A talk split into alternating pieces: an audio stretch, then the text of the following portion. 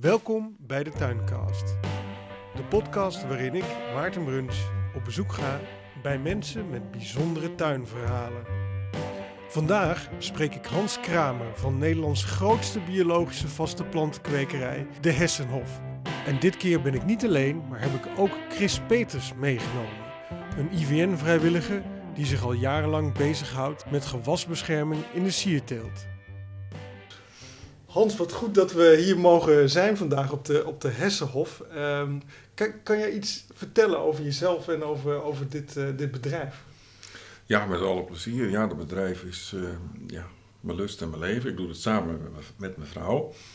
En we hebben twee eh, werknemers voor vast. En, in de zomer werken we met een aantal stagiaires. Meestal komen ze van ver uit het buitenland. Ja, wij zitten hier op een hele schrale Veluwse zandgrond, op een stuwwal. Mijn opa had hier vroeger een gemengd bedrijf.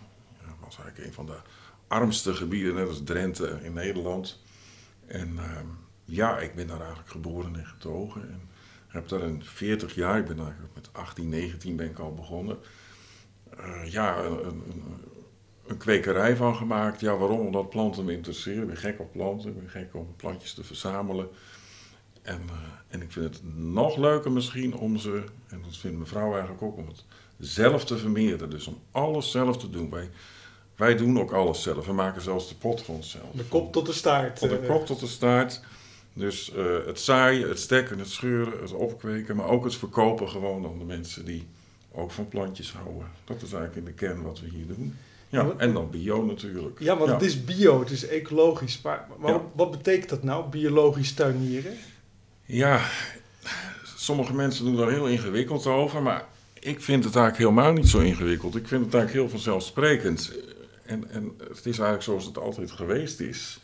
En dat heeft heel veel te maken met alles zelf doen. Dus als je hier achter je kijkt, ik ben nu aan het zaad schoonmaken. Van allemaal zaden die we zelf gewonnen hebben hier op de moederplantentuin. Um, ja, je maakt dan zelf je potgrond. Dat doen we op basis van bladeren die we van Kerkhof hier verderop krijgen. En uh, ja, we potten het allemaal zelf op. En als je dan die, die diversiteit hebt van planten. En we hebben hier wel 7.000, 8.000 verschillende soorten. Het is absoluut geen monocultuur. En je kweekt dat op in een levende potgrond. Ja, dan, dan, dan hoef je eigenlijk al niet zo heel veel bijzonders meer te doen. Maar in de kern is het natuurlijk zonder uh, chemische bestrijdingsmiddelen en, en zonder ja, insecticides zelf, zelf doen kunstmest. Je ja, ja, kan je ja. natuurlijk ook zelf er kunstmest bij doen. Maar ja, dat nee, maar dat hoeft allemaal niet. Dat hoeft allemaal niet. Ja, en, wij, en ik vind een stapje verder dan bio nog dat je dus niet een turf opkweekt. Dat vind ik ook een heel groot punt. Ja, waarom? Mm -hmm. Nou, weet je, uh, dat, dat, de, die turf die komt eigenlijk steeds verder weg. Hè. In Duitsland mag het al niet meer gewonnen worden. Er lopen nog een paar licenties af, maar het komt allemaal uit de Baltische Staten, Rusland. Nou, dat komt met vervuilende vrachtschepen hier naartoe. En dan op een gegeven moment dan ga je het als tuingrond of als potgrond gebruiken. Ja, en dan is het eigenlijk hetzelfde als dat je die turf in de kachel gooit en dan komt er een gigantische bult CO2 vrij. En uh, dat vind ik zo zonde. En we hebben hier in Nederland best veel organisch materiaal waar je van alles mee kan. En bladdaarde is dan toch wel ja, het zwarte goud, dat is dan wel het summum. Ja, ja. ja. en dat is gewoon gratis. Dat, dat, dat blazen we weg in de herfst. Dat blazen we weg, ja. Gemeentes moeten vaak ook afvalkosten betalen. Nou, ze ja. storten het hier gratis en wij composteren het tot eigenlijk een hele hoogwaardige potgrond. Ja. ja want wat ja. veel mensen misschien niet zo goed weten, is dat ook in, in de tuinaarde die je, die je in je eigen tuin gebruikt, vaak heel veel veen zit verwerkt. Heel veel, dat is bijna allemaal veen. Nederland is de grootste verbruiker van turf in Europa. Ja. Ja, en uh, de groothandels, ja, ze gebruiken eigenlijk niet anders. Men is er wel mee bezig hoor. Er komt nu wel het besef dat het eigenlijk niet meer kan. Mm -hmm. uh, maar ja, wat voor alternatief heb je dan? Natuurlijk, wij hebben geluk. Tussen Ede en Lunten is een heel bladrijke uh, gebied op de Veluwe. Dus dat, dat, dat geluk heb je. En dan is het maar een kunst om, om andere materialen te zoeken. Maar goed, ze zijn er allemaal hard mee bezig. Dus er gaat wel wat veranderen, gelukkig. Ja. Wat zijn nou die principes van het, van het echt biologisch tuinieren? Dus waar moet je dan op letten? Dus je zei al iets, denk ik, van je hebt veel verschillende soorten. Dat helpt misschien? Ja, ja vind ik wel. Ik, het lijkt mij heel moeilijk om één gewas biologisch te telen. Weet je, die kwekerij is eigenlijk een, soort eenheid die helemaal in evenwicht is. We hebben allemaal hagen, we hebben struwelen. En eh, ja, daar groeien brandnetels en van allerlei wilde planten. Ehm, en, en dan heb je die, die, ja, op een gegeven moment dan wordt het wat meer gecultiveerd natuurlijk. Als je naar het hart van de kwekerij gaat, heb je de moederbedden, en de verkoopbedden. En ehm, ja, dus dat, dat, dat houdt zichzelf eigenlijk wel in stand. We hebben eigenlijk nooit veel last van ziekten en plagen. En het grote voordeel is, door die diversiteit heb je een aantal soorten. Waar je, goh, die heeft altijd last van luis. Of die monarda heeft altijd meeldauw. Ja, weet je, dan gaat ze gewoon de composthoop op. Dan hebben we een ander soort. De, die diversiteit is er wel. Dat is het grote voordeel, voordeel ervan. Je hoeft ook niet in paniek te raken als een van de 8000 soorten eens een keer wat nee, minder gaat. Nee, eh. soms vind ik het wel jammer. Hè. Ik heb bijvoorbeeld een gewas, dat is Helleborus. Helleborus moet je eigenlijk zeggen, kerstroos. Ja, daar hebben we een tijdje geleden hebben we daar uh, valse meeldauw in gehad. En ik wilde er niet te veel over uitweiden. Nou, dan hebben we door selectie, dus wildbloed inkruisen, hebben we dat uh, onder de knie kunnen krijgen. Maar nu komt er een of andere ja, wespje, een, vlieg komt erin en die gaat eitjes leggen en er komen larfjes uit en die vreten alles op. Ja, ik kan daar eigenlijk biologisch niks aan doen. Ja, dat is ook een nieuwe plaag. En dan hebben we gezegd, ja, dat, en dat gaat me echt aan het hart, want het is een van mijn lievelingsplanten en het was ook een specialiteit van ons. Maar dan gaat het ons wel aan het hart, ja, Helleborus, dat doen we dan maar even niet. Misschien dat ik het over vijf jaar weer probeer. Ja, misschien dat dat... Uh, wespje dan een of andere natuurlijke vijand heeft, wie zal het zeggen. Maar nu nog niet. Hij kan nu, uh, nu heeft hij Hoe doe je dat dan? Want kijk, het is, je, ja. het is je lievelingsplant, of een van de planten die je lief hebt, zullen we maar ja. zeggen. Ja. En, en, die zie je naar de knoppen gaan. En ik ja, kan dat is niet leuk. doen. Dan moet toch, hoe blijf je op je handen zitten als... Uh, Nee, maar we hebben er ook wel van alles aan geprobeerd hoor. We, uh, ik heb nu een soort, uh, ja, en dat vind ik dan te kunstmatig, een soort tunneltje met insectengaas waar ze niet in kunnen. Daar kan ik ze dan wel in kweken. Dat vind ik eigenlijk te veel gedoe.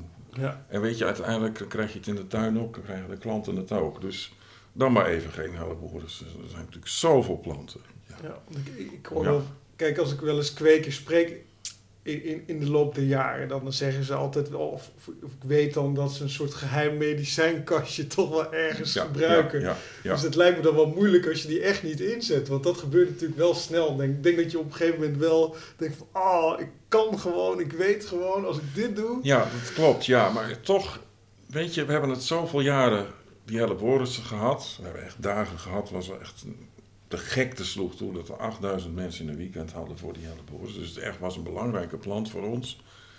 Maar aan de andere kant ja, dat vind ik wel heel leuk dat we dat meegemaakt hebben. En mijn hart doet wel pijn als ik bijvoorbeeld op de Engelse tv een prachtig programma zie over helleborussen bij Gardeners World. Maar weet je, ja, er zijn zoveel andere planten die, die vergoeden het weer. Dus ik vind het niet zo erg. En weet je, het stopt niet.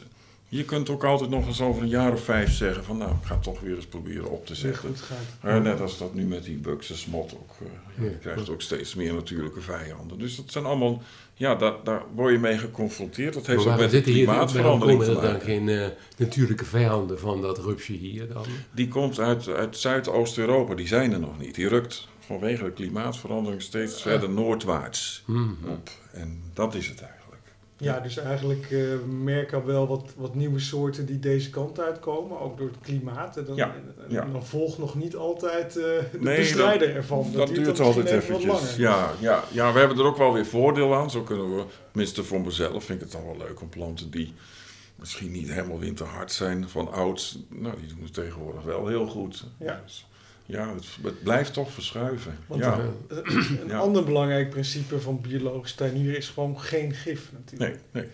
Maar, maar ik, Nee. ik- dat, dat leek mij heel eenvoudig. Totdat ik denk jou aan de telefoon had en zei... ja, het grootste probleem bij het biologisch keurmerk... gaat bijvoorbeeld meer over eh, de voedingsstoffen. Ja, vind ik wel. Ja. Wat, wat is dan gif?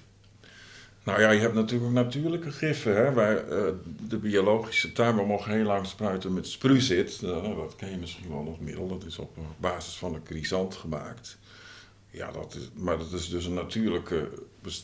Dat mochten we gebruiken, want het was natuurlijk, maar het is hartstikke giftig. Eh, nu mag het niet meer. Eh, en dat vind ik eigenlijk ook goed. Kijk, eh, een aconiet, een komt uit de natuur. Dat is wel hartstikke giftig. Belladonna ook, atropa, ik noem maar wat. Dus ja, wat is gif? Dat, je hebt zowel natuurlijke giffen als synthetische giffen. En eh, ja, die laatste, dus ja, dat, de insecticiden of dat soort dingen, ja, al dat chemische spul, ja, dat gebruik je gewoon niet meer. Dat, daar kijk je niet eens meer naar. Ja, Dat, eh, dat is op zich ook wel heel makkelijk. Ja, maar er zijn dus in de, ook als je biologisch tuiniert ook nog een aantal meer natuurlijke giffen die nog steeds gebruikt kunnen worden. die Maar- zijn er wel, maar men is er ook best wel heel eh, keen op om, eh, hè, net als dat nu die sprucit eruit is, Ja, eh, ja, dat dat gewoon niet meer gedaan wordt. ja, er is natuurlijk ook wel veel te doen om bijvoorbeeld eh, het gebruik van natuurazijn in de tuin. Ja, dat is al net zoiets. Wat ja, natuurlijk dan ja, een natuurproduct ja, is, maar misschien toch schade aan je bodem oplevert. Nou ja, dat is natuurlijk vers 2. je hebt natuurlijk de herbiciden. Hè? Hoe, hoe, hoe hou je een kwekerij? We hebben hier 2,5 hectare kwekerij. Ja, hoe hou je hem schoon? Dat niet het onkruid alles gaat overwoekeren. Ja, dat is allemaal handmatig werk. Dat is bij ons allemaal schoffelen, wieden. Afdekken met een mulliglaag, hè, met een laag grof organisch materiaal. Eh, we doen dan de bestrating en de, de bedden hebben we nog een, een, ja, wij noemen dat de waterkoker. Dat is een apparaat, dat, daar komt kokend water uit en dat loopt dan zo mooi tussen die naden van de stenen. Gebruikt natuurlijk ook CO2, maar ja, Ja. het is eh, toch kiezen vaak. Ja, je- hoe hou je anders 2,5 hectare bij? Maar op zich is het prima te doen als je het maar bijhoudt. Ja. Dat, dat je zorgt dat eh, ja, een knopkruid niet 100.000 zaden laat schieten, want dan ben je de sigaar, om maar zo te zeggen. Ik vind het niet erg hoor aan de randen van de kwekerij, want stikt het van de brandnetels en zo. Maar waar je echt je, je plantjes, je kleine plantjes en zo opkweekt, dat vind Ja, ik dus dat moet netjes zijn. Eigenlijk ook van om echt biologisch te kunnen kweken, moet je gewoon goed opletten. Hè? Als, eh, Goed als je opletten, ineens eh, ja. zaden gaat verspreiden en Ja. eh, die zitten dan over je hele kwekerij heen, dan heb je Ja. natuurlijk een probleem. Dus het is niet zomaar even langs je bedden lopen, maar gewoon kijken wat daar gebeurt eigenlijk. Ja, En ingrijpen op het goede moment als dat Maar dat is ook leuk om te doen hoor.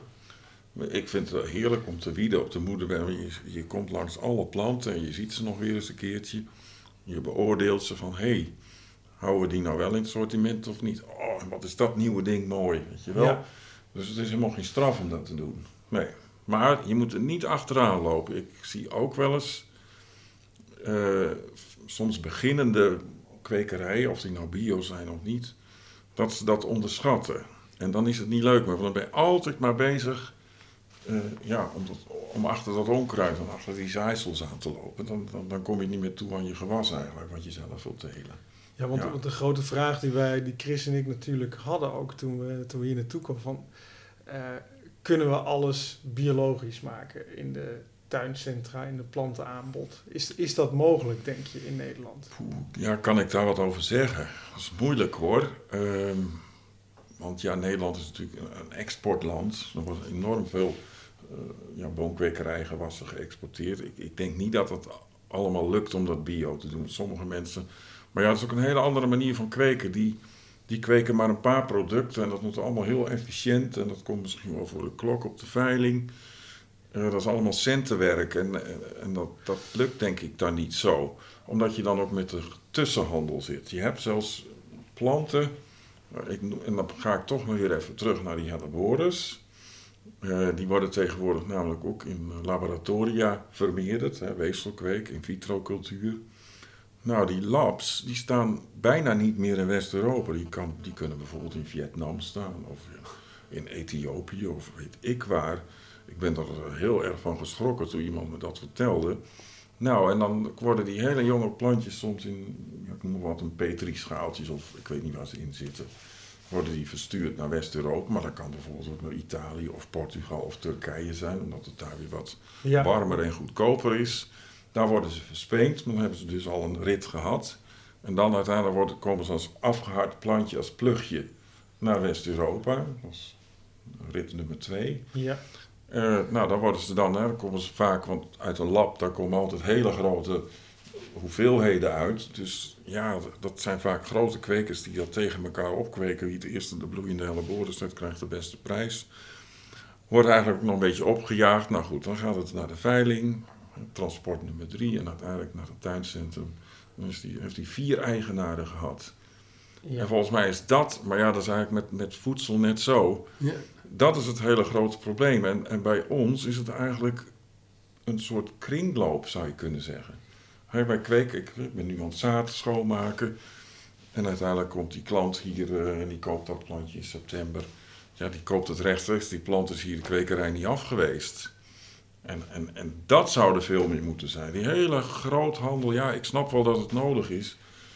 Nou ja, Maar je merkt dan ook dat de kleine kwekerijen, eh, ja, die, die- da- da- daar komen veel te weinig nieuwe van. Er stoppen er dit jaar weer een paar, heb ik eh, Maar collega's. En Dat, dat is denk ik het probleem. Maar- En als er meer kleine kwekerijen waren, waar mensen dan ook daadwerkelijk gaan naartoe gaan, rechtstreeks, hè, of een biomarkt of zo waar je planten verkoopt, dan, dan, dan is er veel meer mogelijk. Ja, want je zegt, we hebben hier eigenlijk van de kop tot de staart het hele proces in de hand. Ja. Nou ja, kijk, vier keer verplaatsen of vier eigenaars is misschien wel erg veel. Maar zeker als je het hele land moet bedienen, is zo'n tuincentrum misschien soms ook wel handig om te benutten. Ja, als zeker. station, als die maar niet al drie plekken heeft gehad. Ja.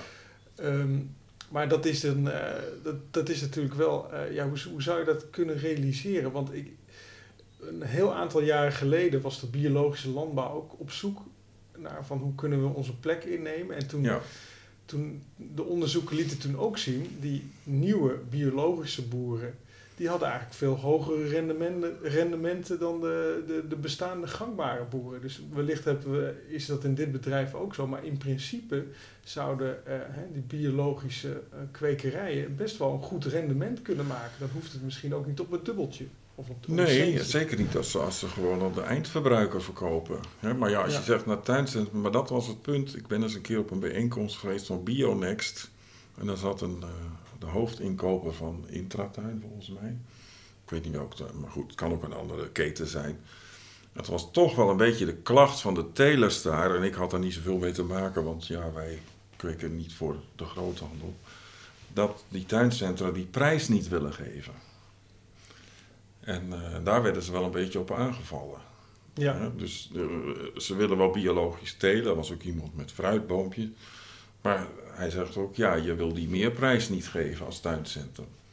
ja. En net als dat een beetje de supermarkt, eh, de telers ook een beetje de duimschroeven aandraait. Ik denk dat dat toch ook Goed, wel dat zo'n is beetje natuurlijk ook een beetje. Ja. Hè, de, kijk, die tuincentra hebben een eigen verantwoordelijkheid om, om zo weinig mogelijk gif op hun planten te hebben. Aan de andere kant heeft het ook met de vraag te maken natuurlijk. Ja, Die, eh, ja, dat dat ja. klanten eigenlijk niet zo goed, of tuinbezitters helemaal niet zo goed opletten. Nee, nee, maar dat ben ik wat ze eigenlijk eens. in hun tuin zetten. Ja, Hè. Die kijken, nou, dit is roze, dit is wit, eh, dit is blauw, dan eh, is het wel goed of zo. Ja, Dus, ja. Nee, maar ze hebben vaak ook helemaal geen idee dat er biologische planten zijn.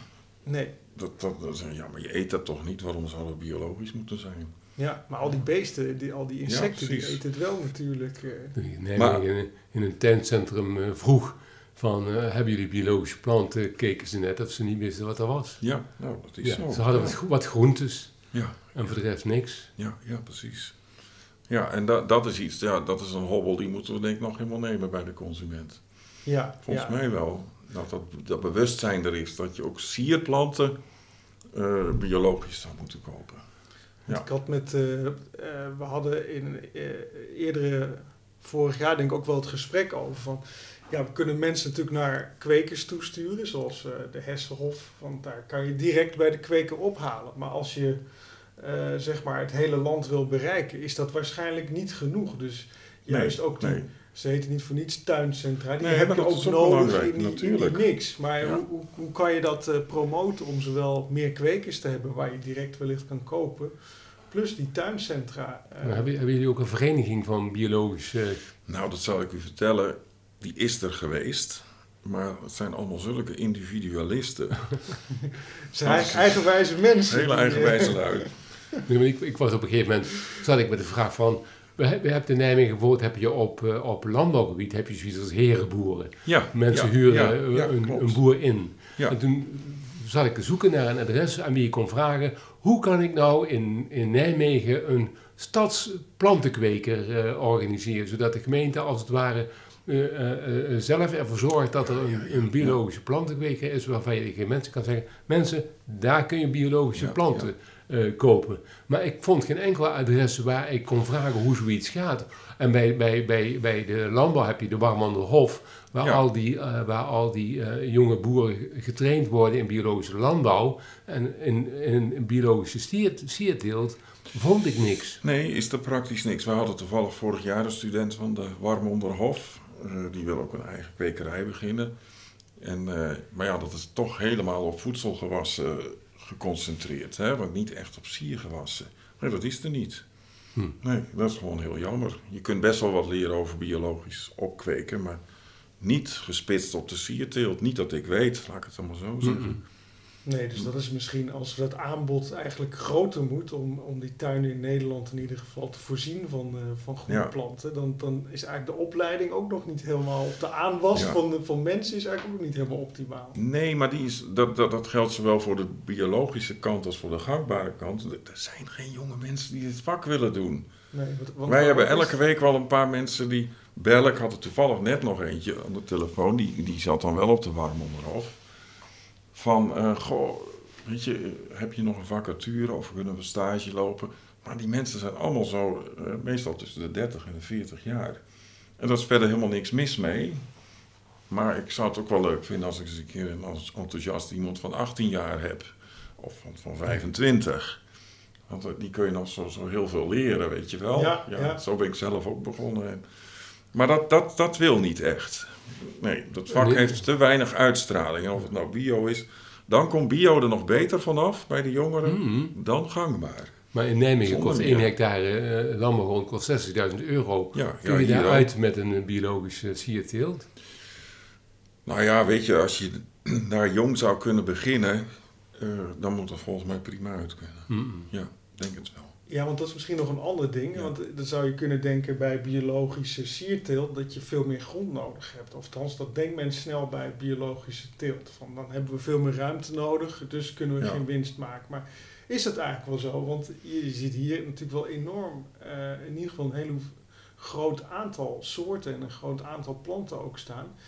Ja. Kan je nou echt minder planten eh, eh, op je perceel hebben als je biologisch teelt? Nou, kijk, wij hebben twee soorten planten hier. We hebben de moederplanten.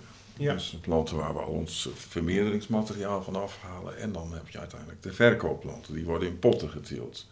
Dat is trouwens nu pas officieel toegestaan. Dat was het eerder niet, maar nu wel. En ehm, je zou kunnen zeggen dat die moederplanten misschien ietsje ruimer moeten staan. Of iets minder snel groeien. Iets minder hard opschieten. Maar qua potten maakt het helemaal niks uit. Ik, ik zou haast zeggen, de ruimte die je extra nodig hebt voor een sierplantenkwekerij is nihil. De extra Ja. ruimte. Dat mag eigenlijk Dus dat is geen eigenlijk geen argument. Nee, dat is geen argument. Nee, nee. Het is wel wat tijdsintensiever waarschijnlijk. Ja, vooral de onkruidbestrijding. opletten, Ja. onkruidbestrijding. Ja, absoluut. Ja. Ja. Goed, je werkt minder met bestrijdingsmiddelen. Ja. Dat is misschien, hè, we hebben natuurlijk de laatste tijd ook wel weer wat berichten over wat dat eh, kan doen voor, voor bepaalde ziektes als Parkinson en zo. Ja, ja, zeker. Ja, ja. Nee, dat hoort hier weer hè, met die lelieteelt en zo daar in Drenthe. Ja, verschrikkelijk. Mm. Ja, maar ehm, ja, de- wat wou ik nou eigenlijk zeggen? Ehm waar hadden we het nou net over? Nou, over over, Ja. over de, de ruimte die je nodig Ja, hebt. oh ja, over die ruimte die je nodig hebt. Ja, nee, dat, dat is het punt niet. En daar wilde ik eigenlijk aan toevoegen, zo was het. Dat ehm, mensen denken ook wel vaak dat de sierteelt dan ook veel duurder moet zijn biologisch. Ja, de En prijs. dat, dat vind ik eigenlijk juist niet.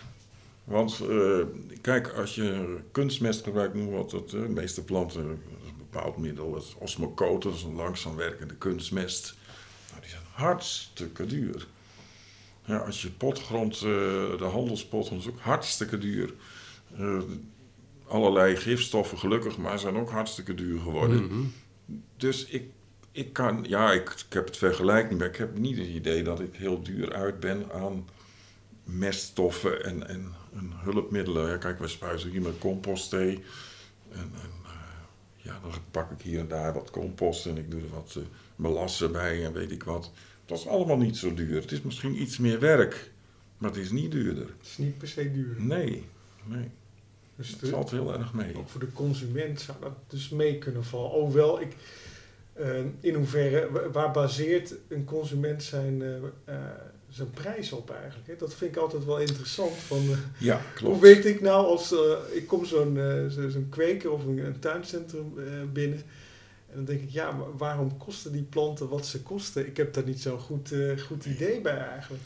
Nou, dat vind ik ook een hele moeilijke hoor. We hebben hier dus ook wel een stagiaires, dat is ook wel eens van Wageningen gehad. Maar Wageningen is heel erg, maar op de commerciële toer, dat moet allemaal uitgerekend worden. Dus De business case bij. Ja, zeker. Ik, kan er niet zo, ik heb er niet zo heel veel mee hoor. Maar goed, ik, eh, dat hadden we studenten die moest dan de kostprijs van de planten uitrekenen. Ja, ja, nou ja, dat is echt handige informatie om te hebben. Ja, maar ik heb dat nog nooit gedaan, al die 40 jaar niet. Ja, En ehm, nou, planten uitgezocht, ja, weet je. Die heb ik dan zoveel jaar geleden eens een keer uit zaad geruild uit Amerika. En dan duurt het twee jaar voordat die kiemt. Dat is wel een heel extreem voorbeeld. En uiteindelijk heb je er zoveel planten van. En nou, moet je dan allemaal uitrekenen. Ja, dat is eigenlijk niet te doen. Maar goed, eh, zij Jullie- Jullie rekenen... zetten er toch ook een prijsje op? Wij zetten een prijs op, maar dat is een gevoelsprijs. Oh. maar ja, dat is toch een beetje met biologisch Wat gek kweken. Dat- geeft. die composthee is ook gevoel. Daar moet je gevoel bij hebben, anders moet je het niet doen. En dat gevoel, dat, dat, dat zit er heel diep in. Dat, het gaat mij niet zozeer om dat precies uit te rekenen. Maar ehm, ik vind bepaalde planten inderdaad in het tuincentrum gewoon belachelijk duur. En dat heeft alles met die presentatie te maken. Mhm. Veel te grote potten. Eh, en dat, dat- er staat dan te kleine plant in een te grote pot met een, een joekel van een etiket erbij. Nou, dat is allemaal helemaal niet nodig. Hè, wij hebben eigenlijk al jaren natuurlijk, eh, we hebben een btw-verhoging gehad van 6 naar 9 procent. Nou, het hebben een aantal planten iets verhoogd, maar eigenlijk, die planten, die prijzen, ja, dat, dat is gewoon wat, ik vind dat die moet kosten. En ik, ik moet zeggen, van de 100 klanten heb ik er minder dan één die erover klaagt. Die zegt, god, dat is een dure plant. ja. Echt, ja. Omdat wij relatief kleine planten... Nee, in Nederland... Kijk, in- bij de tuincentra is de trend steeds grotere potten, steeds grotere Mhm. planten. Het moet allemaal eh, visueel aantrekkelijk zijn. Nou, daar betaal je ook voor. Maar ik, ik verkoop net zo lief een, jongere plant, een P9 of in een literpot. Toen je over twee maanden bloeit, dat vindt die klant veel leuker, want dan ziet hij die knoppen ontwikkelen. en, Mhm. dan- en, dan, en dan heb je een plantje voor 3 euro in plaats van 6,95. Ik noem maar wat. Ja. Ja. maar het is ook een soort gewenning misschien. Dus hè, als je elke keer maar grotere komkommers eh, in het schap ziet liggen bij de supermarkt, is denk je wel dat ze zo groot moeten zijn misschien. Maar ja, dan kun je meteen een ander onderwerp aansnijden. En dat is ook een reden om biologische planten te kopen. Dat die planten, ja, dat, dat ligt Mhm. natuurlijk gevoelig als je dit gaat uitzenden. Maar dat die planten bij het tuincentrum, daar is de handel ook een jaar of wat geleden heel erg mee druk geweest. Die zijn zo opgejaagd. Mhm. hè, Die staan in een soort steriele turfgrond, zou je kunnen zeggen. Er komen allemaal kunstmeststoffen aan te pas. Ze worden vaak nog overdekt opgekweekt. Eh, dus die zijn zo hard gegroeid. Dat zijn echt letterlijk en figuurlijk kastplantjes geworden. Die zet je in je tuin. eh, hè, want je koopt een visueel aantrekkelijk, dus in de bloei of Ja. knoppen. Mhm. En, en dan is het klaar, en dan heeft hij gebloeid. En dan zien is een beetje heel veel gevallen plof, wordt- plofkipje. ja, nee, maar plofplanten. Plofplant. Hè, je hebt zo'n vak platte boomkwekerij, die heeft er dus een hele bijlage of een hele, hele editie aan gewijd.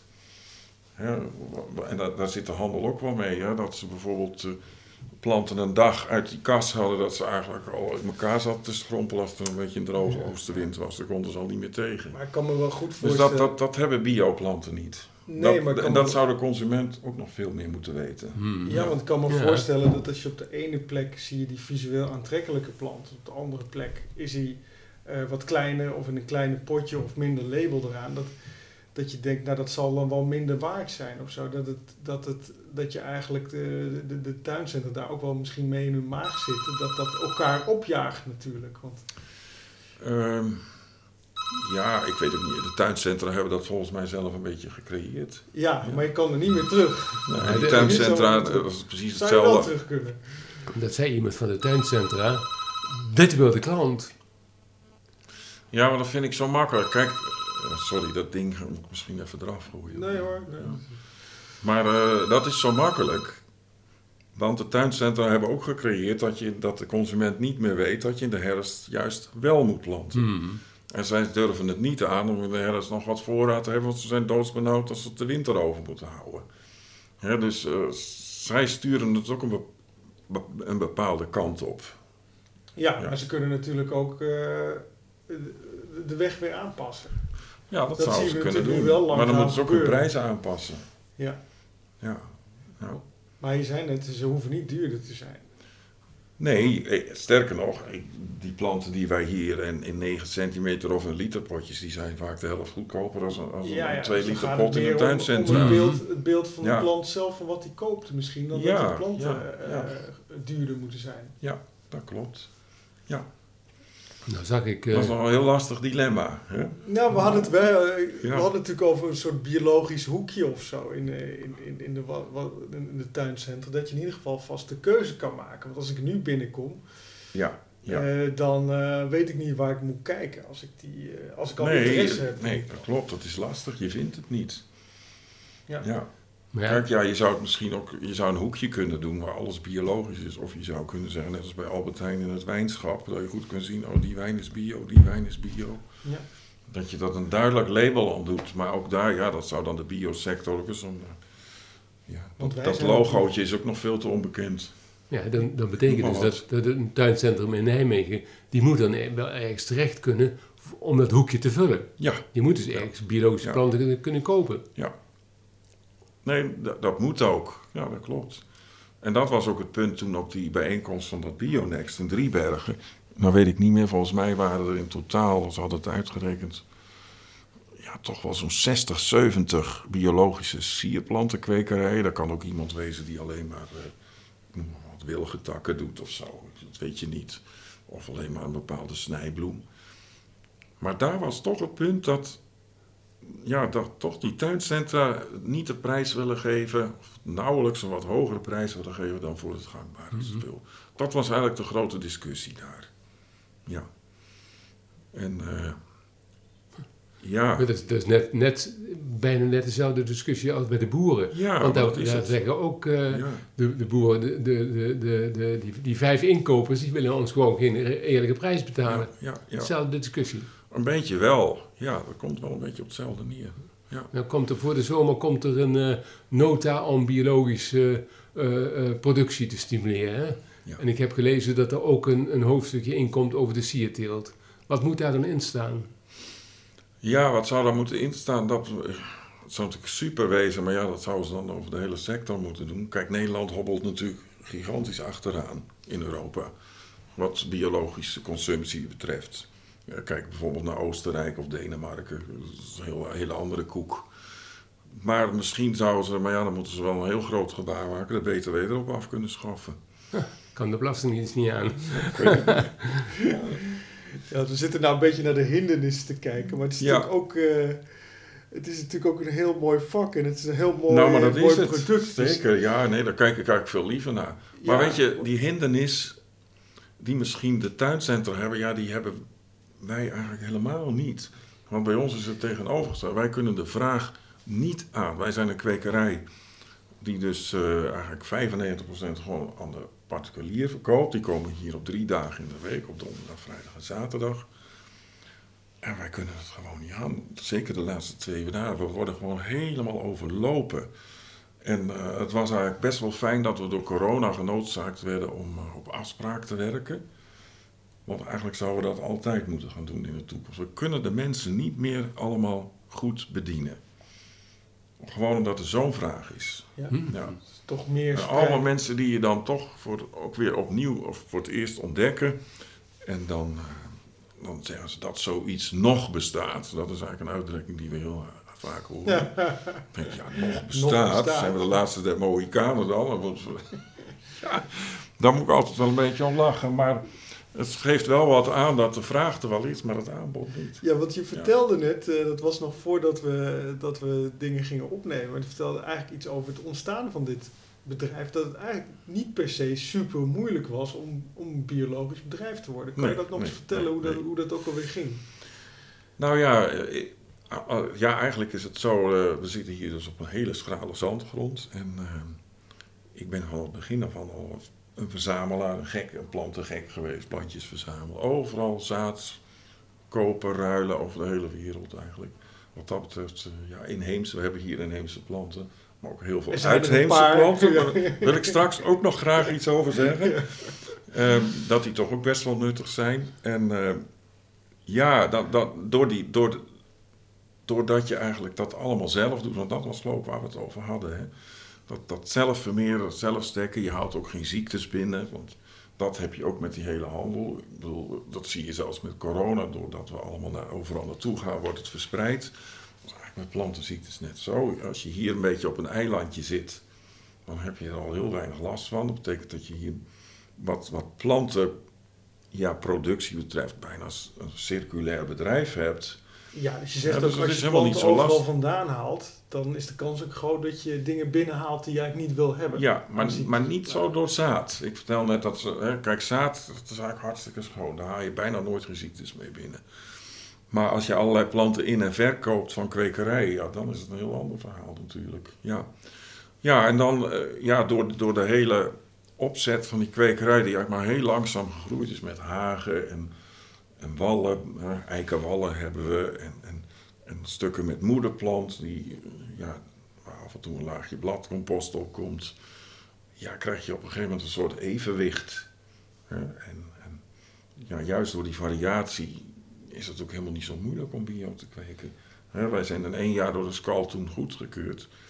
En eh, het enige wat we aan moesten passen waren de, de bewortelingspoeders, omdat daar hormonen in zitten. Daar hadden we nooit bij stilgestaan. Ja, toen zei ik, goh, zou dat wel kunnen zonder bewortelingspoeder? En eigenlijk hebben we helemaal geen verschil gezien. Dat is heel apart. Maar goed, uh, het belangrijkste is dat je gezonde planten hebt op het juiste tijdstip doet. Maar echt moeilijk is het niet. Nee, dat, dat, dat nogmaals, dat is het niet. En, ik, en, en om een kwekerij te beginnen heb ik misschien nog wel goed nieuws. Want we hebben een paar jaar, het is nu geloof ik een jaar geleden, was een keer een heel groot artikel in de Volkskrant gehad moet je maar eens nalezen. Het is eigenlijk wel heel leuk, maar daar hebben we zo veel reactie op gehad. En daar was eigenlijk ook mijn zorg, want ik zeg, dat wil ik er graag in hebben, dat er meer biologische kwekerijen moeten komen. Nou, we hebben zoveel reactie op gehad van allemaal hele enthousiaste mensen, dat we gezegd hebben, nou weet je, dan gaan we hier een keer een dag organiseren in de winter, want dan heb ik tijd. Uh, dan kunnen jullie allemaal komen, dan vertel ik gewoon wat, hoe ik hier begonnen ben, niks geen officieels. Maar dan zijn jullie bij elkaar, kun je misschien eens met elkaar kennis maken. Wie weet wat er allemaal uit voortkomt. Uh, en dat willen we nu nog deze maand doen. Ik moet alleen zien dat we dat van die corona afkomen, van die beperkingen. Want het was vorig jaar ook niet gelukt. Ja. En nou krijg ik steeds mailtjes van wanneer ga je dat nou eens doen? Het moet eigenlijk wel gauw gebeuren. Maar de belangstelling is aan de ene kant, en dat is heel leuk, een enorme belangstelling van de vraagkant. En een grote belangstelling van laten we zeggen, dertigers en veertigers. Uh, hele ja, enthousiaste, idealistische mensen misschien, maar die niet goed weten hoe ze moeten beginnen en hoe ze dat moeten doen. Ja. Dus, dus dat, dat, het is er allemaal wel. Het is er gewoon. Maar het komt er nog niet uit. Ja, maar het, een beetje hulp kan misschien wel ja, helpen. Ja, zeg maar. precies. Om, om nou, wat jij zei van een opleiding, ja, ik heb hier ook al mensen had, kun je geen masterclass geven van vermeerderen en, en biologisch kweken. En dat zou ik eigenlijk best heel graag willen doen. Maar ja, hoe moeten we. Ik heb de tijd er niet voor, dat is het. Dan, dan moet ik nog een paar jaar uh, verder wezen, misschien. Ja, ja. ja, ja. Maar uh, nogmaals, het, het, stelt wel allemaal in de startblokken. Nou ja, het netwerk Is, is aan het groeien, zeg maar. Ja, dat, is, er wel. En de vraag is aan het groeien. Dus die de vraag is samen, enorm. dat is vaak dan... Is enorm, uh, ja. Dus in de regio Nijmegen, als ik, als ik daar nou uh, biologische plantenkwekers zou willen hebben, hoe, hoe moet ik dat dan, wat kan ik dan doen? Hoe je die kunt vinden. Ja, wat, ja, wat, wat moet ik doen? Ja. Ja, er is wel. Nou, dat moet ik nog even opzoeken. Er is wel een site hoor. Dat is een mevrouw die doet ook dat blad van uh, eh, BBC Gardeners World. Uh, dat blad heet ook Gardeners World. Dat is dan een Nederlandstalige editie. En die heeft een website. Uh, biologisch kweken. Daar staan al iedereen op die biologische planten aanbiedt. Ik zal het nog wel eens doormailen. Ja, dat, daar kun je dan wel het een en ander mee doen. Hmm. Ja. Ja. Een, een, van de grote dingen die je noemde toen ik je een keer aan de telefoon had, Hans, was dat dat met dat biologische uh, kweken eigenlijk misschien eh, de voedingsstoffen of de mest eigenlijk nog wel het grootste Ja, issue was. ja, vind ik wel. Ja. Ik noemde net eh, de meststof osmocote, hè, die wordt in een Mhm. gangbare teelt. En, eh, zo heb je nog, nog een aantal van die langzaam werkende meststoffen. En dan zit een soort harslaagje omheen en dat, verteert langzaam, zodat die mest gedurende langere periode, net zolang als die plant in die pot staat, afgegeven wordt. Dat is met eh, zeg maar organische meststoffen veel moeilijker te reguleren. Hè, dat duurt vaak wat langer voordat zo'n meststof eh, zeg maar op gang komt, voordat de voedingsstoffen vrijkomen. En als een plant wat langer in pot staat, dan kan het zijn dat hij toch een tekort krijgt aan meststoffen. En dat, dat is eigenlijk wel de kunst om dat op te lossen. Door bij te mesten. Wij doen dat vaak met compostthee. Waar we dan, dat heet, het spul heet OPF. Dat is Organic Plant Feed. Dat mengen we er dan weer door. En eh, daar worden de planten dan weer mee aangegoten. Ja, dus daar kun je wel van alles mee doen. En dat, daar worden we ook steeds handiger in. En ik denk dat het ook een kwestie van tijd is. Ja, dat er wat meer over het, ja, meer kennis over is, dat dat eigenlijk ook wel opgelost is. Maar dat vind ik altijd nog wel een moeilijk punt. Dat is eigenlijk nog een soort bottleneckje waar nog Ja, even wat ontwikkeling aan vast Kijk, want een biologisch opgekweekte plant ziet er niet zo aan het eind van het seizoen niet zo donkergroen en welig uit dan een gangbare plant. Ja. Ja, dat, die ziet er wat, wat, ja, ik wil niet zeggen armoeig, want dat, ingetogen. laten we dat nooit maar noemen. Natuurlijker. Wat natuurlijker, ja. Ja, niet zo boe, weet je wel, Ja, niet zo ja. opgeblazen.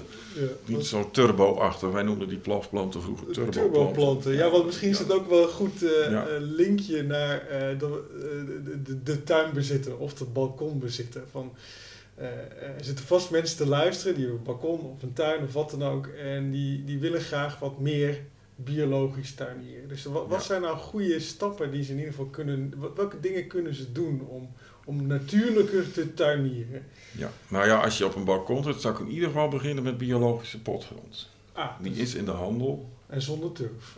Ja, zonder turf of met een heel laag percentage turf.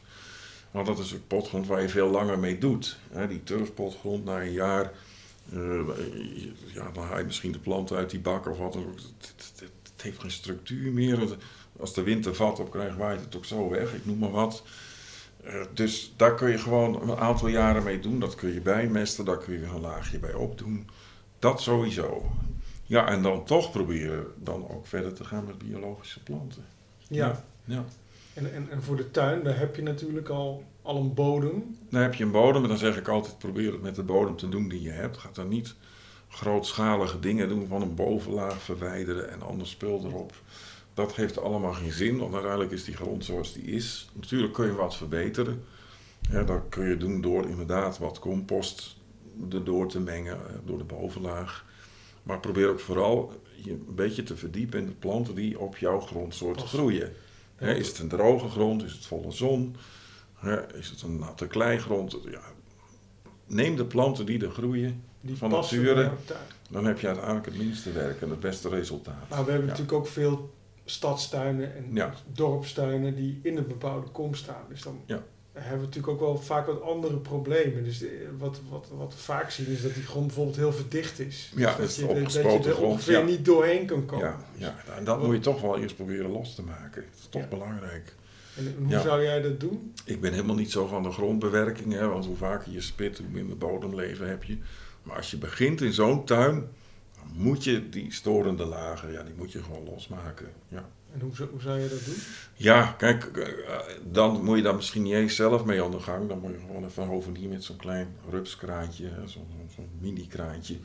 Als het ernstig eh, is. Ja, weet je, maar als je dat van plan bent om er wat langer te blijven wonen en echt wat aan die tuin te doen, dat is een investering die betaalt zich drie dubbel en dwars terug. Dat hoef je maar één keer te doen. ja. Hè, die grond loshalen, die bovengrond. eh, Bespaar dan ook niet eens op compost. Doe dat in het begin even goed. En je gaat planten naar, joh, je krijgt een explosie van groei. Ja, Ja. Dus we hebben de, de, de biologische tuinaarde op het balkon. We hebben de losgemaakte grond eh, in de tuin. eh, dus Ja, om te beginnen, hè, want normaal gesproken hou ik helemaal niet zo van dat losmaken. Maar het kan Ja. zijn dat het in jouw tuin nodig is, als dat zo blijkt. En dan het liefst zoveel mogelijk biologische planten, of zo weinig mogelijk gif Ja. erop. En die, die passen bij de, de, de bodem die je hebt. Ja, ja en, en, en nog een ding vind ik dan, plant ook wanneer het planttijd is. Ik heb ook mensen Ja. die hier bijvoorbeeld midden in de zomer nog komen voor rozenstruiken. Dan kweken we AG rozen. Maar B moet je ook niet in de zomer planten. Dat zijn allemaal opgepotte dingen. Ik zeg altijd, dit is het, eh, de restanten die ze overgehouden hebben, die worden dan nog gauw Gauw voor de zomerverkoop. Nee, ik plant rozen in november. Misschien is het weer wel niet zo mooi. Plant een beukenhagen in november. Ja, wat, wat gebeurt er als je in een verkeerde tijd plant? Nou, A, ben je altijd duurder uit. Ja, Ja, want dan zijn het vaak opgepotte planten. B, de kwaliteit is slechter en het slaat minder goed aan. Ja. ja. want ik heb ook wel eens gehoord dat je dan veel meer water moet geven. Ja, Bijvoorbeeld, ook omdat- dat. Je bent er ook veel drukker mee. Ja. Ja. Wij propageren hier al jarenlang eh, het planten in de herfst. En dat bedoel ik niet zozeer... Kijk, eh, wij kweken vaste planten, dus dat zijn plantjes in een pot. Eh, maar ga, kom hier bijvoorbeeld begin september. Ga eens kijken wat er allemaal bloeit. Je kunt het allemaal precies zien. En als je dan plant, dan wortelt dat nog voor de winter. En dan heb je dat probleem van water geven niet. Nee. Je hebt gewoon een, een anderhalf tot twee keer zo grote plant in het jaar erop als dat je bijvoorbeeld in april zou planten. Ja, en je hebt dan dus die gezonde plant, die, eh, waar ook weinig gif op gebruikt is in het kweken. Ja. Maar dan moet je natuurlijk niet zelf eh, eens even flink rondgaan met de Roundup of wat dan ook. Nee, nee, nee, Dus, nee, nee, ehm, nee, nee. Dat vind ik zo zonde. Ik vind het zelfs soms zo overdreven. Ja, dan heb je een, een niet al te grote tuin, dan kopen ze nog een onkruidbrander of zoiets. Denk je, jeetje, wat is het nou voor werk om even gewoon op je knietjes met een krabbetje, als je dat dan zou willen, maar voor mij hoeft het niet eens allemaal weg, maar goed. Eh, om dat even te doen, om gewoon even lekker in die tuin, gewoon op je knietjes, dan zit je met je neus en met je ogen bij die planten, je ziet wat voor insecten erop zitten allemaal. Je leert je planten beter kennen en je leert ze beter waarderen. Ja, Ik, ik begrijp dat niet. Ook bijvoorbeeld zo'n elektrische bladblazer of eh, nog erger benzinebladblazer. Ik vind het allemaal verschrikkelijk. Ga gewoon met handmateriaal, Ah. met je handen in die tuin Kijk, de gang. kijk, ja, ik maar was- dat is weer een heel ik ander was in verhaal. Engeland Ja. en, en, en daar, daar, als je de radio aandoet, gaat het over tuinen. Ja, Eh, daar is een soort liefde voor tuinen, ook al wordt er ook heel veel bestrijdingsmiddelen gebruikt overigens, want er zitten ook heel veel reclames over het eh, Meer- verdelgen van mossen. maar meer dan Dus, hier hè, in Engeland. Dat terzijde, Ja. wat ik mooi vond, is dat het overal die liefde voor die tuinen uitspreekt. Terwijl als ik, ik merk zelf wel eens dat eh, als we het hier over tuinen hebben, gaat het vaak over, eh, ja, ik wil wel een bloem, maar ik wil geen onderhoud of zo. Dus Ja, begint ja, eigenlijk ja. de onderhoudsvrije Ja. tuin. Ja, ik denk wel dat je het nu een beetje idealiseert in Engeland. Ik, ik hou van Engeland, ik ben er dol op, we gaan er ontzettend graag naartoe. Maar daar heb je toch echt wel de klasses die tuinieren. Dat, Ah, dat- ja, ja. Kijk, hier heb je, natuurlijk, het, hier heb je ook mensen die er helemaal niks aan doen. Ik zie het hier in Lunter ook wel. Gewoon een versteende tuin. Maar eh, je hebt daar ook wel een hele groep die ook niks aan tuinieren doet. Ja, Hè? en, is en hier is het toch wat clubje. meer verdeeld over, laten we zeggen, de bevolking. Dat idee heb ik wel.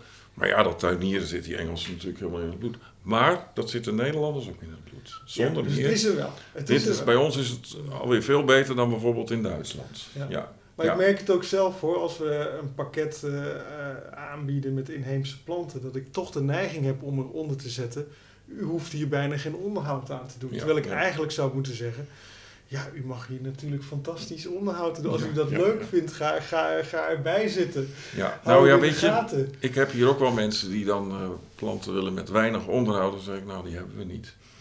Ik heb daar helemaal niks mee. Want het plezier van het tuinieren is toch eigenlijk ook wel het onderhoud. Natuurlijk, het kan je boven het hoofd groeien, dan is het niet leuk meer. Maar echt grote tuinen heb je niet in Nederland. En die dat wel hebben, die onderhouden misschien zelf of heel anders. Dat is een heel ander verhaal. Maar dat hoort er gewoon bij. Dat is toch deel van het plezier. Ja. Ik vind het helemaal niet erg. Ja, misschien praat ik te veel voor mezelf, maar dat probeer ik de mensen ook aan te praten. En zeg ik, dan moet je, dit doe je dan en dit doe je dan. En, en je ziet dat die planten er goed op reageren.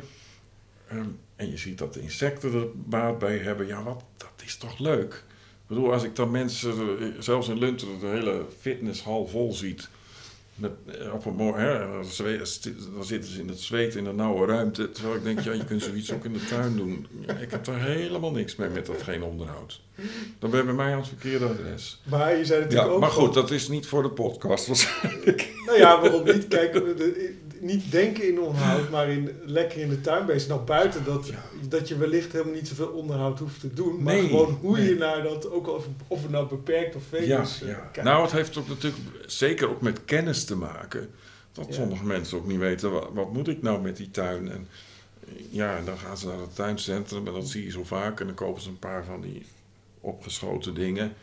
Even planten, ja. En Een vaak in de verkeerde heb je wel nodig natuurlijk. Want Ja, als je drie keer... Maar dat is het punt. En hè, dat hebben we toen een hele discussie gehad over die plofplanten. Er zijn dus kwekers, handelskwekers, ik heb ze hier ook wel gehad, eh, die zeggen ja, dat is juist goed. Ze noemen dat ook wel eens in de handel staan de zelfmoordpil. Ja, Die ja. plant die moet bloeien en dan moet die En eigenlijk moet kapot die gaan. Want dan kopen ze volgend jaar weer een nieuwe. Ik zeg, zo werkt het niet. Want als dat een paar keer gebeurt, dan houden ze op met tuinieren. Ja. Zo werkt het niet. Jullie denken gewoon heel verkeerd. Die plant die moet het juist wel doen. Ja, je hebt mensen die, die hebben die succeservaring in de tuin Ja. nodig. Dan denken ze, ja, ik, ik stop er wel planten Ja. in, maar ik kan elke keer opnieuw beginnen. Ja, maar van de tien tuinen heb je er al gauw een stuk of drie, vier. Ja, die zou je nog kunnen winnen al voor de tuinieren, voor, voor, om vol te planten, laat ik het maar zo zeggen. Hè? En dat moeten we hebben. Het moet, het moet gewoon lekker volkomen. Er staan weer planten overal, dat is het. En voor de kwekerij zijn natuurlijk, ehm, het is heel fijn dat we hier heel veel soorten hebben. Dat houdt elkaar ook een beetje in evenwicht. Is, geldt het ook voor een tuintje? Ja, ja, Dat je- ja, vind ik ook. En wat dat betreft vind ik ook, als ik nog een beetje kritisch mag wezen, dat je je tuin, ja, dat mag ik misschien helemaal niet zeggen, maar gewoon zelf aan moet leggen.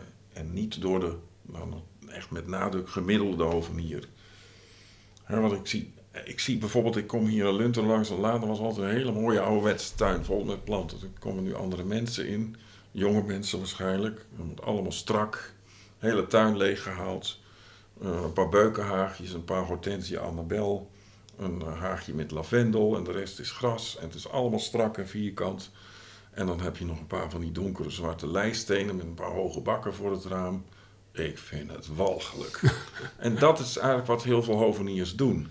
Ik gelukkig, hè, als je, en dan, mag ik, dan wil ik even reclame maken voor de vereniging Wilde Wilde. Misschien heb je wel eens van gehoord. Zeker, ja, ja, natuurlijk kennen we die. Kijk, als je dan een tuin aan wil leggen, benader dan een hovenier die daar lid van is. Want dan heb je een heel ander slag hovenier. Ja, maar wat, wat, ik, wat, Ja. ik wel, wat mij wel opvalt, kijk, ik probeer dat ehm, als wij iets eh, bij IVN over, over tuinen zeggen, ook wel te zeggen van ja, kijk, sommige mensen houden gewoon van een strakke tuin, maar in principe kan je een strakke tuin ook biologisch Ja, aanleggen. natuurlijk. En in een strakke tuin kunnen ook veel planten staan. Er kan ook Ja, veel soorten Strak staan. maakt eigenlijk niet maar uit, altijd maar, maar diezelfde dingen. maar een beetje dat denk ik, jeetje, wat ben je toch gemiddeld. Ja, en wat doe je de rest toch weer na. Ja, Dus eigenlijk meer Ja. een oproep aan de hoveniers, maar ook aan de mensen zelf, Ja. om, om, eh, ja vind ik om wel. gewoon meer te verwachten van je tuin. En kijk misschien. maar eens even als je een hovenier inschakelt, wat voor tuinen die aanleggen. Als het te, te kunstmatig is en allemaal te, ja, te veel steen, dan zou ik het gewoon niet doen. Ja. Maar het is natuurlijk ook wat de die- mensen vaak vragen. Hè? Dus die zeggen van ik wil graag... eh, Jawel, ze willen het ook wel, maar het is ook heel vaak elkaar nadoen. Ja, ja. ja. Dus je moet het goede voorbeeld eigenlijk Ja, hebben. ik heb nooit iemand nagedaan. En eh, ik, ik verbaas me er ook elke keer over. Dat eh, soms een tuin, dan, heeft iemand zo- zo'n tuintje laten doen door een hovenier. En dan gaat de rest dat ook doen. Maar ik heb, Ja. ik heb dat twee kanten uit zien gaan. Ik was eh, Het kan ook de andere kant uitgaan. in Ja, Weert. en dan was Ja. de ene kant van de straat was volledig eh de voortuintje betegeld. Met her en der nog een, een schaamurn Ja. met, een, met een palmpje erin.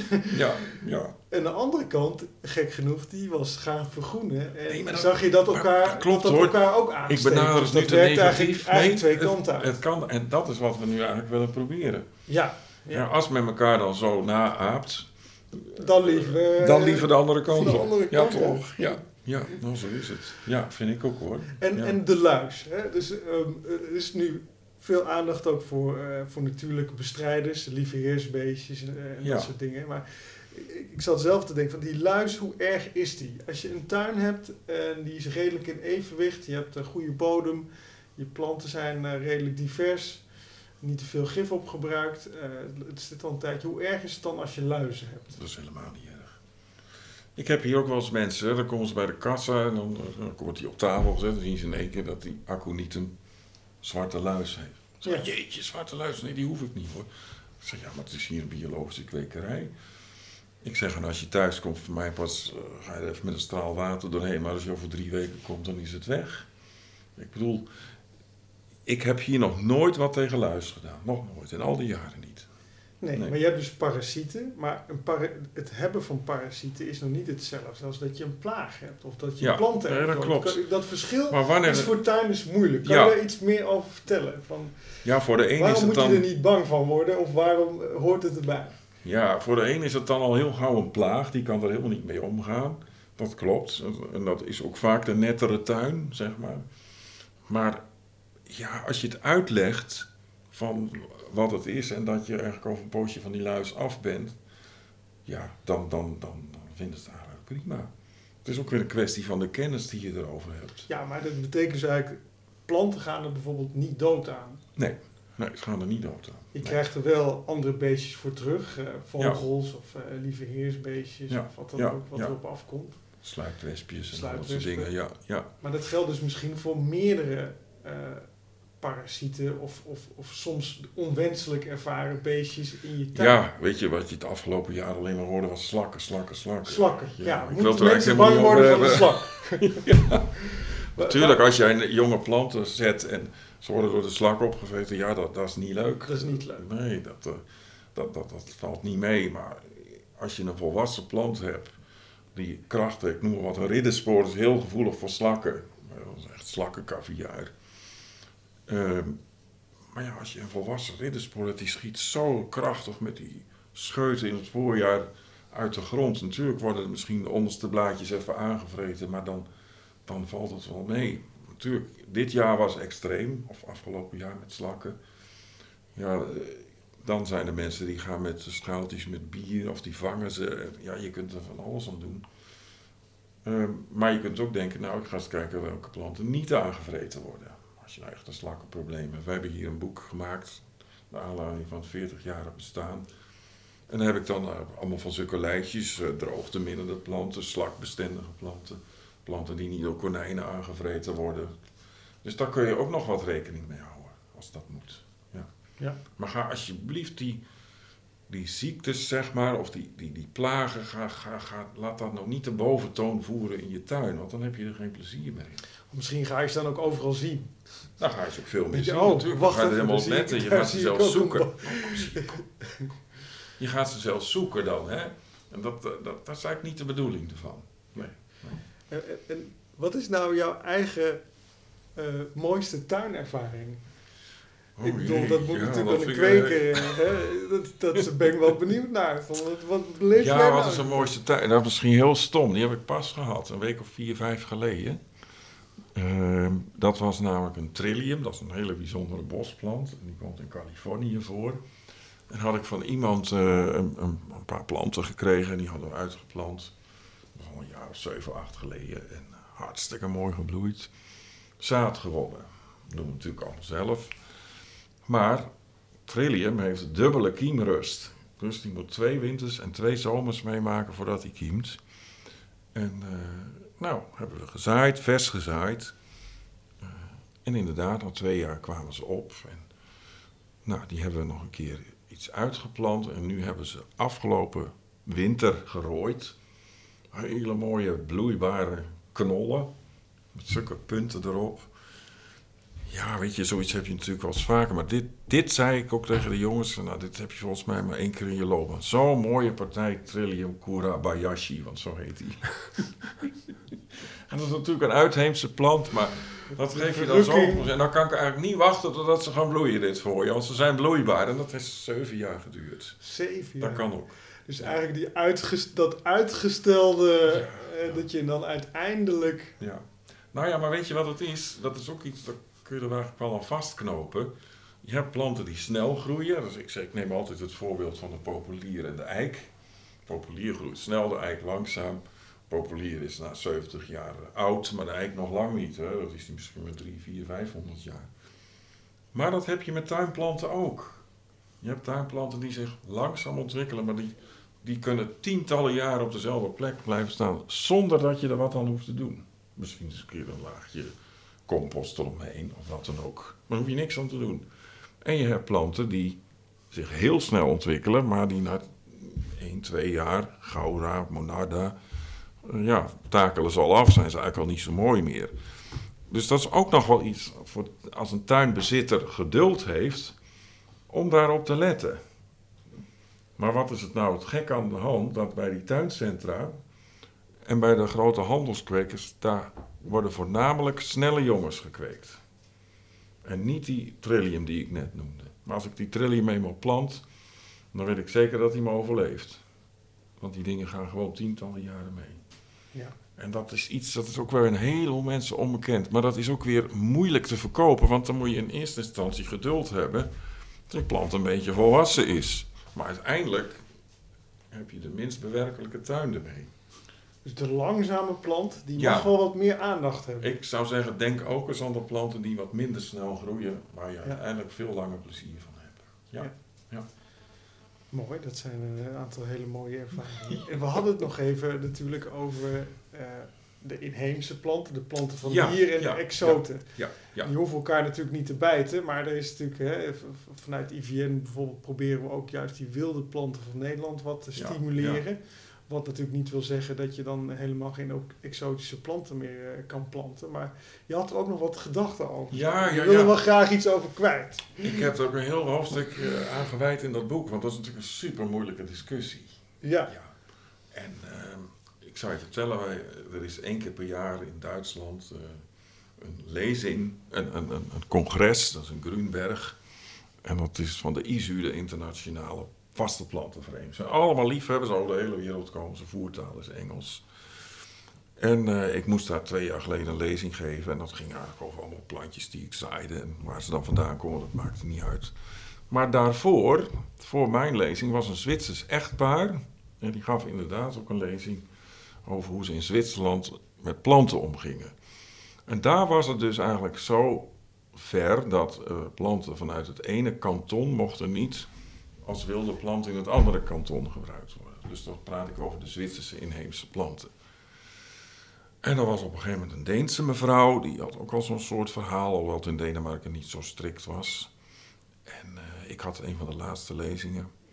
En dat had ook alles met die biodiversiteit te maken. En toen kwam er een Engelsman, en eh, dat was van de tuin van Great Dixter, best wel bekend. En dat, nou, als ze ergens veel exotische planten hebben, dan is het daar. En die had die discussie ook al jaren geleden gehoord. Ze vielen hem zelfs aan op het feit dat hij zoveel niet-inheemse planten daar had, of exotische planten, en dat het zo slecht was voor de, voor de biodiversiteit.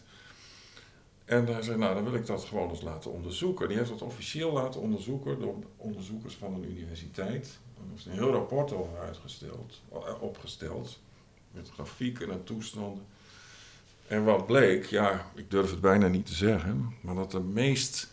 eh, Het is een heel groot landgoed, dat Great Dixter. Ze hebben bijvoorbeeld eh, bouwland, akkerland, ze hebben bosranden.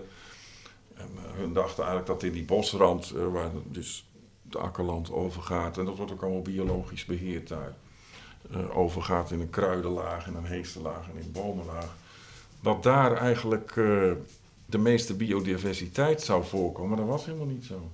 Die kwam voor in de, in de exotic garden.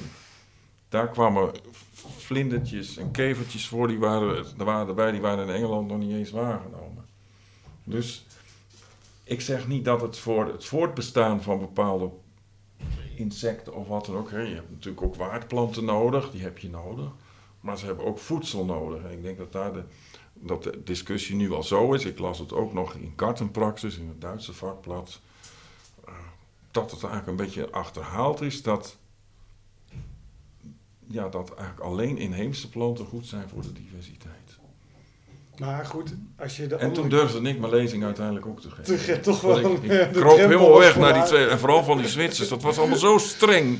Dat ik denk, ja, nou vind ik het helemaal niet leuk meer. Ja. Als we Nou ja, zo moeten gaan tuinieren. Wat, wat mij opviel is dat, Ja. eh, dat je in, eh, in Nederlandse tuincentra en eh, bij kwekerij ook eigenlijk nauwelijks inheemse planten ziet. Dat is meer de andere kant van het Nee, verhaal. maar dat- daar wil ik er ook heel graag aan toevoegen. Want ik vind een inheemse plant net zo mooi als een uitheemse plant. Ik vind alle planten mooi. En wij kweken hier toch best veel inheemse planten. Hey, ik noem maar wat. Ik heb eh, ooit mijn grootbloemmuur, Stellaria holostia, heb ik hier 100 meter uh, vandaan stekker weggehaald en die kweken we nu volop. Die stekken we nu allemaal zelf hier van de kwekerij. En Salomonszegel heb ik wat bessen geplukt die hier om de hoek heen groeien. Ja, zo gaat dat dan. Dus Ja. dat, eh, ja, dat, dat wordt allemaal op die manier gedaan. Ja, dat ga je, ga je boven zitten anders? Ja. Dus de, de, ja, we hebben toch best wel... En ik heb ook een heel hoofdstuk gewijd aan, aan inheemse planten.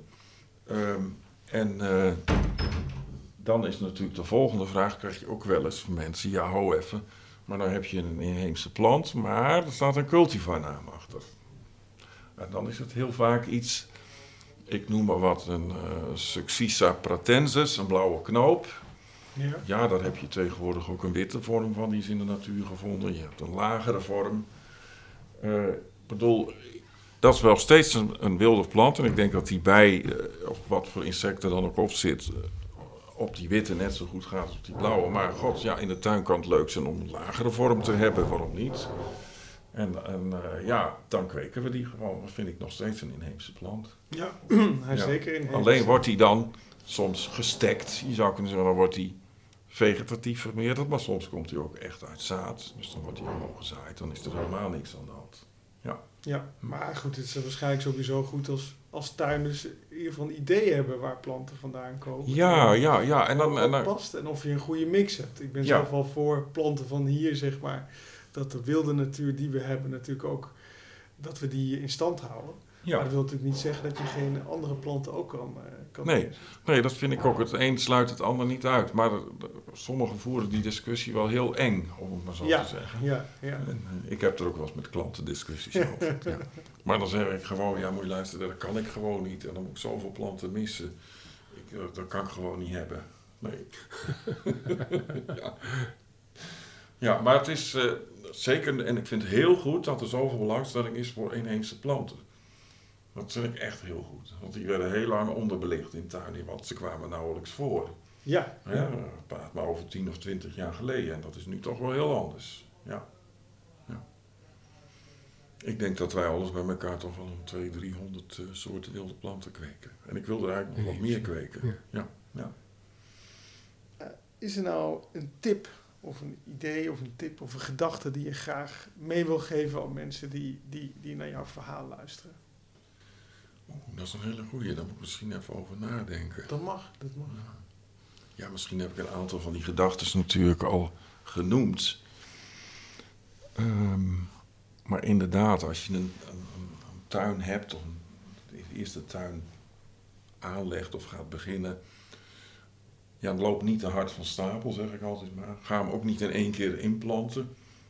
Ik vind het zelf ook zo leuk om nog een paar kale hoekjes op die kwekerij te hebben. Waar je, eh, je, komt van, je komt altijd wel eens een keer iets tegen waar je zegt, goh, dat zou ik nog graag willen hebben en eh, ik kan het niet meer kwijt. En dat, dat, dat wil je eigenlijk niet hebben.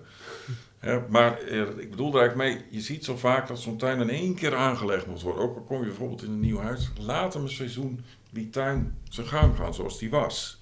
Kun je zien wat er allemaal staat. Misschien vind je het helemaal niks, nou dan haal je de planten eruit die je, die je mooi vindt. Ik, ik, ik gooi nooit geen planten weg eigenlijk. Wordt ook zo vaak gedaan dat alles maar gewoon afgegraven wordt. Hè, en ehm, ja, mensen kunnen eigenlijk veel meer zelf met planten doen dan dat ze beseffen. Ze denken vaak dat het heel moeilijk is. Ik noem maar wat, een plant scheuren of een plant zaaien. Ja, dat is gewoon hartstikke makkelijk. En dat De geeft, natuur doet het uit zichzelf Ja. al. en dat geeft zoveel voldoening. En je hoeft niet meteen naar het tuincentrum of naar die kwekerij te lopen om, om weer nieuwe... Ik heb hier ook wel mensen...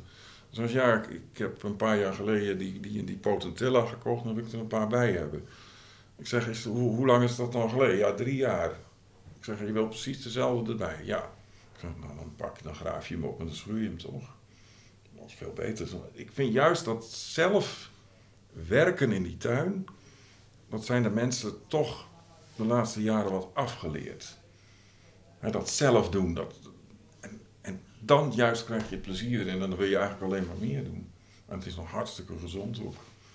Tuin, tuinieren is een van de gezondste dingen die je kunt doen. Dat is een heel gezond vak. Daarom snap ik niet dat jongeren zich blind staren op zo'n schermpje. Eh, dat het allemaal is. Ik zie het soms bij mijn eigen kinderen ook. Krijgen ze nog soms nog niet zo ver. ik zeg het heel voorzichtig. maar ehm, ja, dat, dat, dat gewoon zelf doen. Net zo goed als dat wij hier op de kwekerij Zelf ook alles doen. zelf doen. Eh, dat vind ik het mooiste. Dat geeft het meeste voldoening en, en geniet je er het meeste van. Gen- Geniet ervan. Ja, ja. Dat is goed. Dank. ja want je bent nooit uitgekeken hoor. Altijd wat nieuws. Ja. Mijn oudste klant, dat is ook wel een heel leuk verhaal misschien, dat is een mevrouw uit Brabant. Toos heet ze. Als ze het hoort, weet ze precies dat ik haar noem. En eh, ze kan, vroeger kwam ze zelf, maar ze kan bijna niet meer lopen. En als ze komt, dan gaat ze. Ze moet altijd nog papieren catalogus hebben. Dan gaat ze hele lijsten met planten maken. En we hebben dan een systeem dat je het op kunt zoeken met vaknummers, net als bij de IKEA in dit geval. Dus op H1 staat dit en op H2 staat dat. En dan loopt ze dat helemaal nog zelf af. En zij is iets, nou kan ik het missen, of ze is 92 of ze is 94. En eh, de laatste keer regende het zo hard. En ze ging gewoon in de regen door. En ze heeft een tuin, een ouderwetse tuin, helemaal vol met planten. Waar ze dagelijks mee aan het werk is. En zij zegt ook, ja, die tuin die houdt me jong en ik ben nooit uitgekeken. En ik wil toch nog weer nieuwe planten proberen. ja. En toen heb ik ze uit de regen gehaald. En ik zei, nou ga je eerst maar eens een kop koffie drinken. Kijk, en ik vind dat zo leuk om te zien dat... Kijk, nu, eh, haar kinderen brengen er een... Die lopen ook nog wel mee hoor, die helpen ook wel mee om er te zoeken. Maar soms gaan ze hier ook een kop koffie drinken en dan loopt Toos alleen op de kwekerij rond. Nou, dat is toch super als je zo oud kunt worden. En, en Jong kunnen blijven. Of eigenlijk jong kunt worden, ja. Ja. precies. Ja, ja, ja. Ja, prachtig vind ik dat, ja. Ja, wat dat er zoveel klanten in de laatste jaren en al die jaren meegemaakt. Ja, dat, eh, dat vind ik ook het leukste. Je kan het een heel Zonder leven klanten doen. zou ik het ook niet kunnen hoor. Daarom zou ik geen handelskwekerij kunnen zijn. Want dat, dat, juist dat persoonlijke contact, mensen die je leert kennen in al die jaren, die terugkomen. Ja, dat, dat, dat En je ziet wat er met je plantje gebeurt, waar Ja. die naartoe gaat. Anders Ja, is ook het misschien eh is het, Maar is het hadden, ja, het eerste jaar met die corona, dat, toen zijn we een poosje dicht geweest. En toen zeiden we, ja, in april, we gaan toch maar weer open. Er kwam ook een vaste klant uit Assen. Hij kwam altijd met de man. De man is nu ziek. Is ook hulpbehoevend. En eh, die kwam gelijk de eerste dag toen we weer open.